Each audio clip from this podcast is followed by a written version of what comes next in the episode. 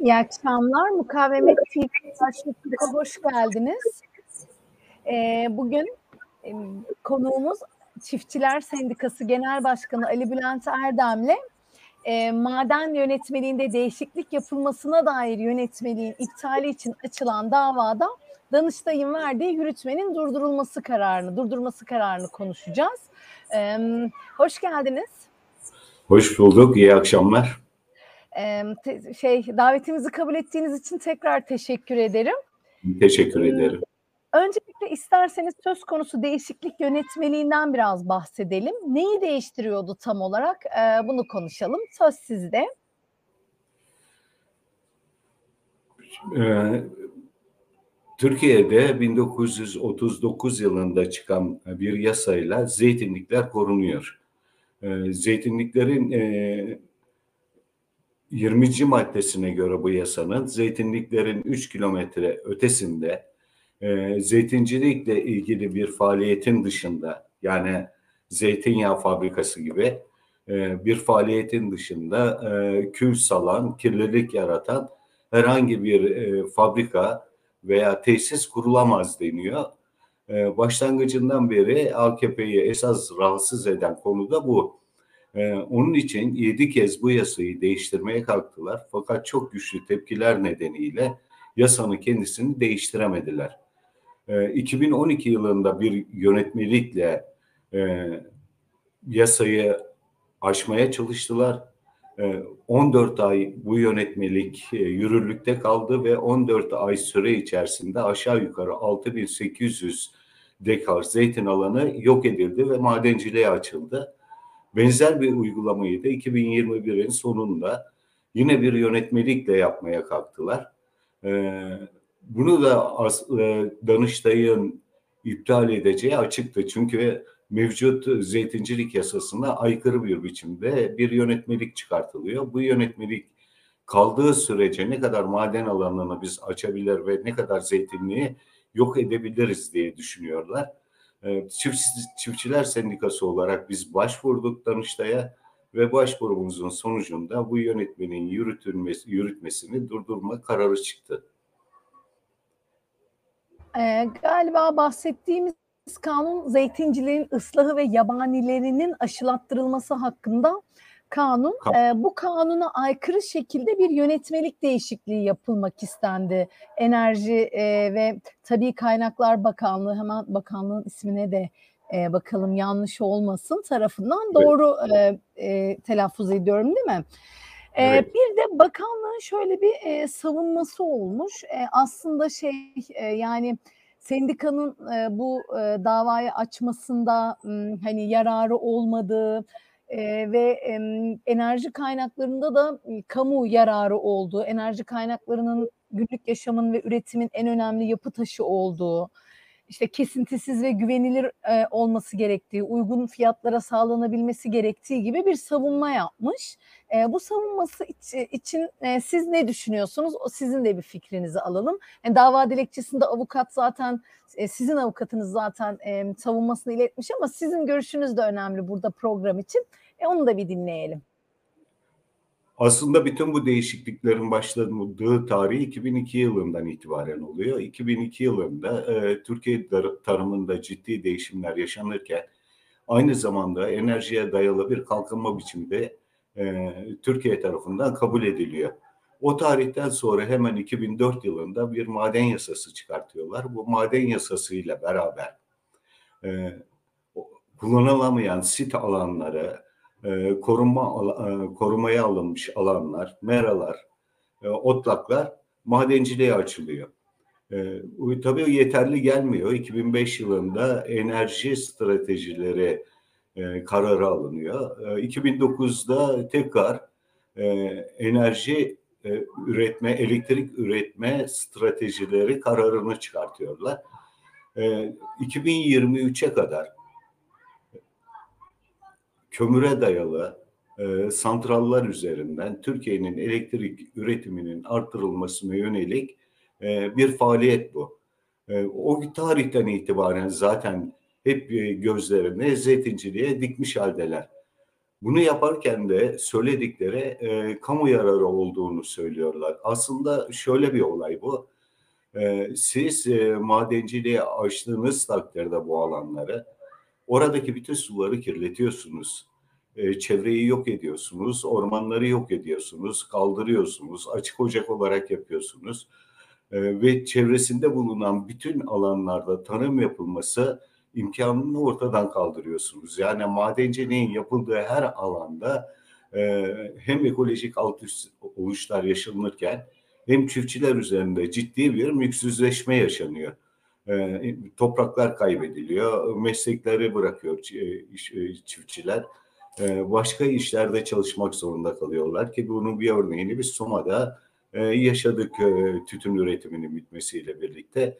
Şimdi burada nerede kamu yararı görüldüğünü biz açıkçası anlayamıyoruz.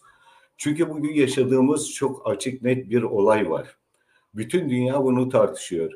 E, Rockefeller Vakfı'nın söylediğine göre e, buğday stokları 10 haftalık bir buğday stoğu kaldığından bahsediliyor dünyada. Her yerde gıda krizleri söz konusu.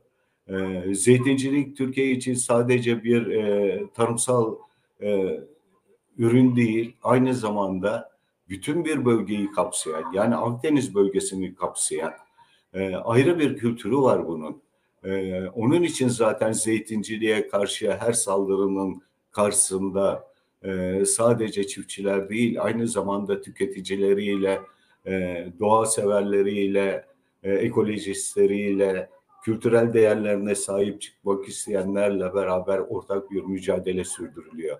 Bu mücadelenin kendisi de bugüne kadar e, şeyi bu yasayı ve yönetmeliklerin çıkartılmasına e, engel olmuş durumda. Yani kamu yararını nerede gördüklerini biz açıkça merak ediyoruz. Hele o, okuduğunuz bölümde de söylediği gibi Çiftçiler Sendikası'nın burada mağdur olmadığını söylüyor. Yani mevcut madenlerle beraber orada üretim yapmakta zorlanan üretmekte e, artık üretemeyen pozisyona düşen, kendi topraklarını kaybeden, e, aynı zamanda kendi zeytin alanları yok olan, e, çevresinde böyle bir maden varsa ürettikleri zeytinlerden yeterli ürünü alamayan, bir pozisyonda yaşayan çiftçiler söz konusu. Bu kadar bir çiftçinin alt üst oluş içerisinde, ekolojist alt üst oluş içerisinde kendi mesleklerini bırakmasının neresi kamu yararı?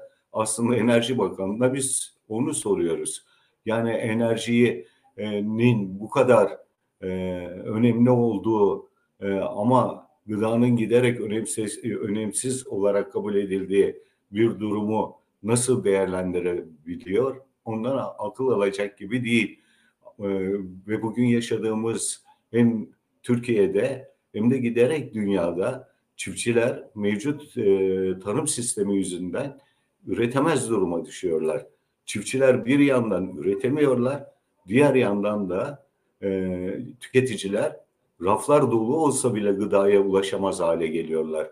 Gıdanın bu kadar önem kazandığı, e, kendilerinin açık ve net söylediği, e, gıdanın artık bir silah olarak insanlar üzerinde kullanılmaya başladığı bir dönemde e, kamu yararı diyerek tarım alanlarının yok edilmesi e, anlaşılabilecek bir şey değil.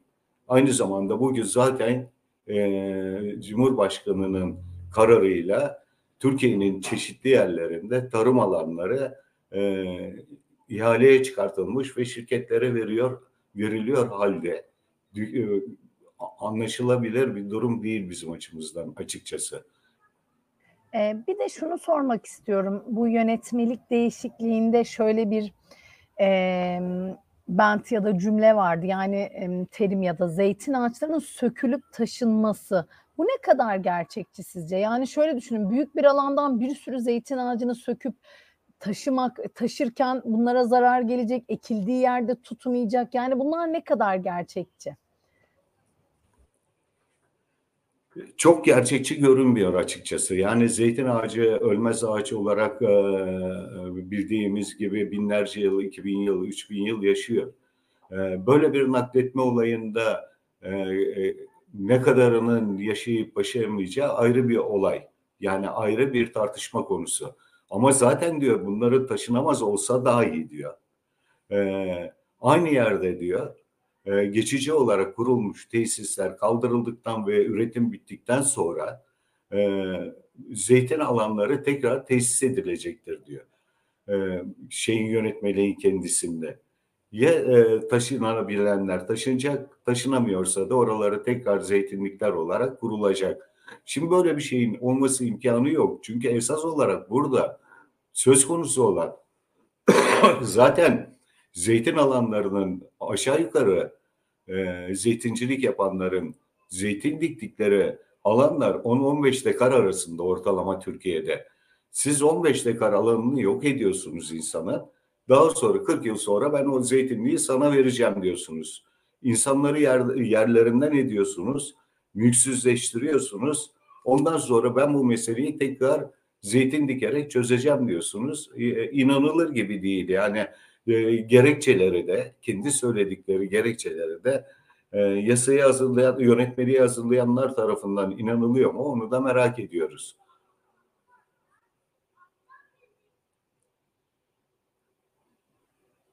Yani zeytin ağacının e, nakledildiği zaman e, yaşama itibariyle belki diğer ağaçlara göre yüksek olabilir. Ama e, bu böyle bir şeyin tümünün yapılabilmesi, onlara tekrar başka bir yerde yer kullanılabilmesi, o ağaçların taşınıp mülkiyetin oraya taşınması, bunların hiçbirinin yapılma, yapılmayacağı çok açık. Yani esas olarak oralarda toprakları bulunanların her zaman yapıldığı gibi acil kamulaştırma ile toprakları elinden alınacak. Orada madencilik yapılacak. Daha sonra zeytin ağacı dikerlerse de e, o zeytin e, diktikleri zeytin ağaçlarından zaten zeytin geç büyüyen bir bitki ne zaman biteceği, kime devredileceği, hangi şirketin olacağı e, belli bile değil. Yani aynı olayı biz e, e, örnek vermesi olması açısından anlatmak istiyorum. E, Soma'da yaşadık. E, yani e, Colin Soma'da Santral ve Yırca köyünde e, o köyde acil kamulaştırma yapıldı. İlk hemen 600 ağaç ortadan kaldırıldı. 600 ağacın yok edilmesiyle beraber, katledilmesiyle beraber Türkiye'nin her yerinden insanlar gelerek e, o mücadelenin köylülerle beraber mücadelenin içerisine girdiler. Uzunca sert bir mücadeleydi aslında bu. E, sonuçta acil kamulaştırma kararının ortadan çıktığı, kalktığı günde 6 bin tane ağacı kendileri sonuçlarını bilmesine rağmen mahkeme kararını bilmesine rağmen yok ettiler. Ee, orada orada da bazı ağaçları biz alıp başka yere taşıdık ama yaşama şansları olmadı. Yani e, ne kadar ihtimal açıkçası onu bilmiyorum teknik olarak. E, zaten Danıştay da açık açık şunu söylemiş yani madencilik faaliyetiyle işte sökülen, taşınan, e, ve tahrip olan alanların eski hale getirilmesinin mümkün olmaması sebebiyle e, telafisi güç ve imkansız zararların ortaya çıkacağını belirtmiş e, ve buna dayanarak da yürütmenin durdurulmasına e, karar vermiş. Yani aslında gayet tablo açık ve net. E, hani e, hukuku dolanmak ister, yani hukuku dolanmak diye bizde bir terim vardır. O şöyle e, yapılır e, onu e, yapmak istemiş bakanlık ama Danıştay maalesef e, geçit vermemiş. İyi ki de geçit vermemiş diyelim. E, peki şeyi de sorayım size. Ama Danıştay, e, sözünüzü kestim. Danıştay şöyle bir yol da göstermiş. Demiş ki siz bunu yapmak istiyorsanız gidin yasayı değiştirin demiş. Yani yasayı değiştirmeyi e, bakanlığa önermiş aslında. Ya onun için e, şu anda e, zeytinlikler bir tehlikeden kalkmış halde değil zeytinlikler üzerindeki tehlike. E, bugüne kadar bu mücadele zeytin mücadelesini yürüten bütün herkesin bu konuda uyanık olması lazım. Yeni bir saldırı her an gelme ihtimali taşıyor. E, mecliste de gen soru verdiğinde e, gen soru veriyor. Sanayi Bakanı ısrarla ve ısrarla e, oradaki yönetmelikte yaptığı savunmanın aynısını yaparak mecliste de e, enerjinin çok önemli olduğunu e, ve e, buna devam edileceğine e, ifade ediyor. E, daha önce benzer bir biçimde yedinci gelişinde hatır, hatır, yanlış hatırlamıyorsam altıncı veya yedinci gelişinde Teknoloji Bakanı Faruk Özlü şöyle demişti. Bu yasa 7 kere de gelir değişikliğe, 17 kere de gelir, 27 kere de gelir. Ee, biz ne dersek diyelim, ne yaparsak yapalım dünya dönüyor dedi. Yani enerji için ısrarla zeytin ağaçlarını yok etmeye yönelik kararlı bir biçimde hareket ediyorlar. Aynı kararlılığı da zeytin ağaçlarını savunma e, durumunda olan bizlerin de göstermesi gerekiyor. E, sadece şunu söyleyerek e, ben e, noktalamak istiyorum. E, zeytin ağacı belki en parlak dönemlerini e, Anadolu topraklarında yaşamıştır. E, biz zeytinciliğin sorunlarını tartışamıyoruz AKP geldiğinden beri. Biz zeytinliklerimizi nasıl koruruz mücadelesini sürdürüyoruz. Aslında zeytinin birçok problemleri var. Zeytin e, üretiminin, tarımının birçok problemleri var. Bunlara bakılamıyor bile. Sadece biz zeytin ağaçlarına sarılıp nasıl onları koruruz diye e, bugüne kadar mücadele ediyoruz. Aslında e, çok güzel bir yere işaret ettiniz. Ben de tam ona göre sorumu soracaktım. Genelde bu yürütmenin durdurulması, yönetmelik iptali gibi kararlarda bir süre sonra bakanlık başka yollar buluyor. Süreci başka şekilde tekrar e, başlatıyor. İşte o dönümde değil bu parselde başlatıyor gibi gibi. E, yani bu gibi hamlelere karşı hem politik olarak hem hukuki olarak nasıl stratejiler yapılmalı sizce? Çünkü gerçekten yıllar sürüyor bir dava. Danıştay karar verene kadar olan oluyor. E, geçenlerde İçişleri Bakanı bile işte bir mahkemenin kararını beklemeyiz biz yaparız gibi bir e, beyanı olmuştu hatırlarsanız. Sonradan mahkeme karar verir e, demişti. Yani gerçekten de böyle oluyor neredeyse. Buna karşı ne yapabilir yerel sivil toplum kuruluşları, uluslararası sivil toplum kuruluşları, halk yani nasıl bir strateji sürdürülebilir? Aslında bugüne kadar zeytin mücadelesini e, yani yedi kez geldiğinde de yönetmelikler karşısında da e, ortak bir mücadele sürdürülebildi. E, birbirinden bağımsız gibi olsa da ortak e, birlikte hareket etme şansı her zaman oldu. E, hatta e, biz şöyle diyoruz, e, ancak gıdaya e, biz egemen olabilirsek, ee, şirketlerin denetiminden gıda çıktığı sürece e, biz e, kendi gıdamıza sahip çıkabilirsek, halkın gıda sistemini kurabilirsek ki biz buna gıda egemenliği diyoruz, e, başarılı olabiliriz. Bunun için sadece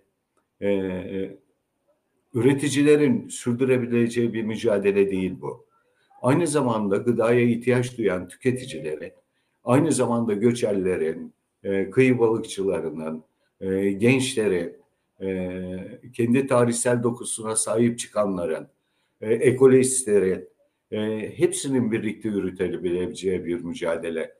Bir gıda yemenliği mücadelesinin olduğunun farkında olmadan e, zeytine karşı, e, zeytinin yok edilmesine karşı verilen mücadele, aslında gıda egemenliği mücadelesinin nasıl verilmesi gerekliliğine yönelik de bir örnek oluşturuyor.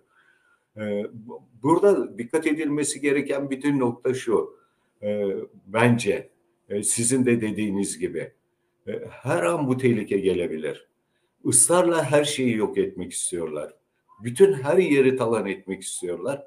Her yeri metalaştırıyorlar e, zeytin ağaçlarına uzunca bir süredir kafalarını takmış haldeler 2002 yılından itibaren.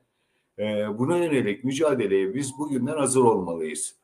Hazır olabilmesi için de aslında e, belki de o yasa çıkmadan önce bu birliktelikleri güçlendirmek gerekiyor. Yani aramızdaki ilişkilere ve nasıl bir mücadele sürdürebilmemizin yöntemlerine, o mücadeleyi sürdüren insanlarla mücadeleyi yürüten kurumlarla, e, toplum örgütleriyle belki bugünden e, böyle bir mücadeleyi yürütebilecek e, bir ilişkiler ağı kurabiliriz.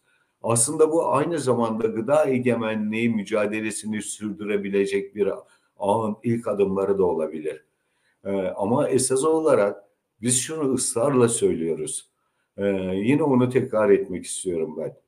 Ee, bizim esas olarak e, gıdamıza sahip çıkabilmemiz için yani gıda egemenliği mücadelesini yürütebilmemiz için dünyanın bütün küçük çiftçileri birlikte Birleşmiş Milletler Genel Kurulu'na çiftçi e, köylü halkları ve kırsalda yaşayanların hakları diye bir bildirge sundu.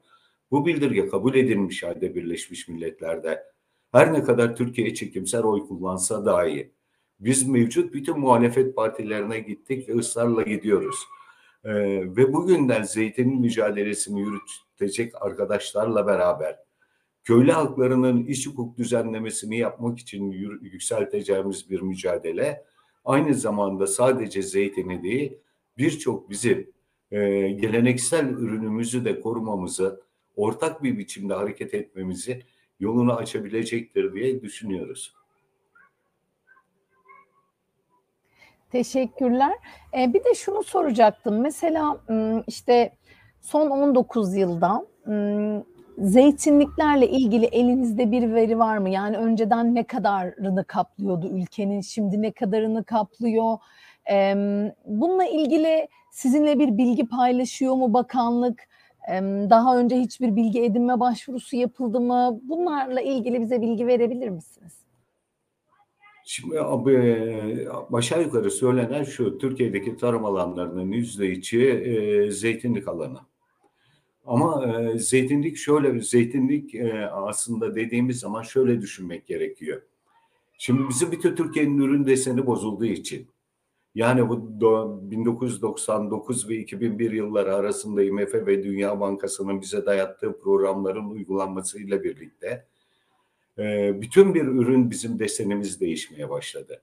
Şimdi bu ürün deseninin değişmesiyle birlikte e, birçok ürünü artık biz geleneksel ürünü üretemez pozisyona düştük. Örneğin tütün bunlardan biridir. E, geçmişte 560 bin tütün üreticisi varken bugün 50 bin liranın altına düşmüş durumdadır. Tütün üretimi yapılan alanların alternatifi Ege bölgesinde zeytincilik olmuştur. Onun için zeytin sayısında bir artma söz konusudur. Yani başka o kıraç arazilere, o meyilli arazilere başka bir e, ürün ekemediği için zeytin miktarında bir çoğalma yaşamış, yaşanmıştır. Aynı şekilde Akisar'da mesela tütün bir üretim, tütün üretim merkezidir. Akisar'ın neredeyse tüm tüm geçmişte tütüncülük üzerinden geçimini sağlamaktadır. Orada da tütüncülük bitince Akisar'ın ovalarına dahi e, zeytin inmiştir. Aslında zeytin ovaları da dikilecek bir bitki olmamasına rağmen, bir ağaç olmamasına rağmen e, alternatif bulamadığı için bu zeytin sayıları giderek Türkiye'de artmıştır. Ama bütün yok etme isteklerine rağmen artmıştır. Aslında e, tanımsal yapının bozulmasına karşılık alternatif olarak zeytin bulunabildiği için ekilmiştir, dikilmiştir. E, öyle bir artma söz konusudur.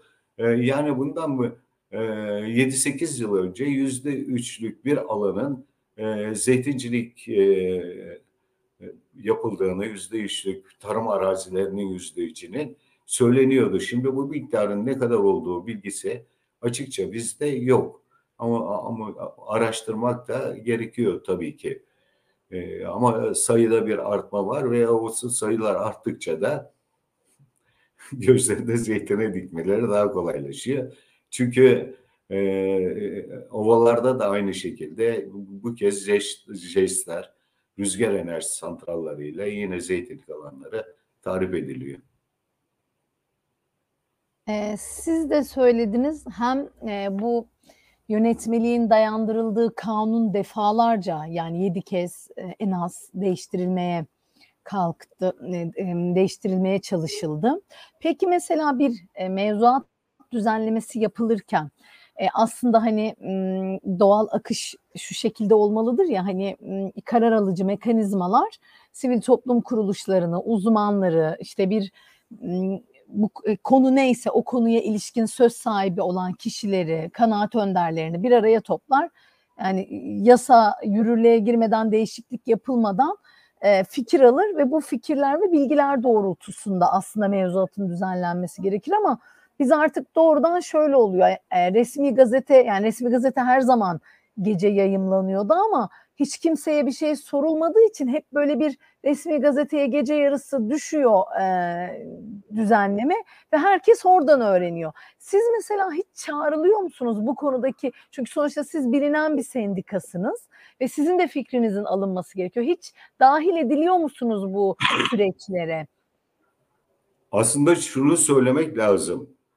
Bugüne kadar sadece zeytin değil, tarımsal üretimin kendisinde hangi üründe olursa olsun çiftçiler adına kararlar alındı.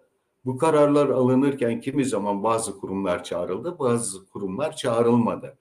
Ama kendi düşüncesi alınmayan ve hiçbir zaman onun düşüncesine önem verilmeyen zaten topluluğun kendisi, çiftçiler de, çiftçiler hiçbir zaman böyle bir yerde kendilerini ifade edemediler. Ee, onun için zaten e, böyle bir e, örgütlenmenin gerekliliğine inanarak e, biz çiftçiler sendikasını kurmak yolunda adım attık. Yani gerekçelerimizden biri buydu. Bizim e, hakkımızda kararlar alınıyor ama bu karar, kararlarda bizim sözümüz dinlenmiyor. Bundan sonra bizim sözümüzün dinlenebilmesi için e, bizim örgütlü olmamız gerekiyor e, ve ancak örgütlü olabilirsek e, sözümüzü söyleyebiliriz. En azından bizi çağırmasalar bile sesimizi yükseltebiliriz diye böyle örgütlenmeler içerisine gitti, girdik. Bugüne kadar böyle bir çağrım olmadı. Sadece bir kez e, şeyde e, hatırlıyorum ben e, tütünde e, tütün üretimiyle ilgili e, bugüne kadar e, farklı e, söz söyleyen sadece siz varsınız diye e, bizi meclisteki o tütünle ilgili yapılan komisyona davet ettiler. E, başka bir biçimde de olmadı. Biz ısrarla gittik, ayaklarına gittik, her partiye gittik, her kuruma gittik ama e, kararlar alınırken de hiçbir zaman sorulmadı. Aslında e, yani özetlemek gerekirse mevzuatın doğrudan etkileneceği topluluğun dahi fikri alınmadı maalesef. Yani bu mevzuat defalarca değiştirilmeye çalışılmasına rağmen e, bu, zaten bu da işte ne kadar e, yanlış olduğunu gösteriyor maalesef. Sadece mevzuat açısından değil hani kamu yararı açısından neyin doğru neyin yanlış olduğunu gösteriyor. E, süremizin de sonuna geliyoruz yavaştan. E, ben bir kere katıldığınız için çok çok teşekkür ediyorum ben size. Teşekkür e, umarım sadece yürütmenin durdurulmasıyla kalmaz bu karar. E, esasa ilişkin karar da e, e, hem sizin lehinize hem gerçekten de çiftçilerin lehine bir karar gelir. Halkımızın lehine bir karar gelir diyorum. E, teşekkür ediyorum programımıza katıldığınız için. İyi akşamlar. İyi akşamlar, başarılar dilerim. Thank you.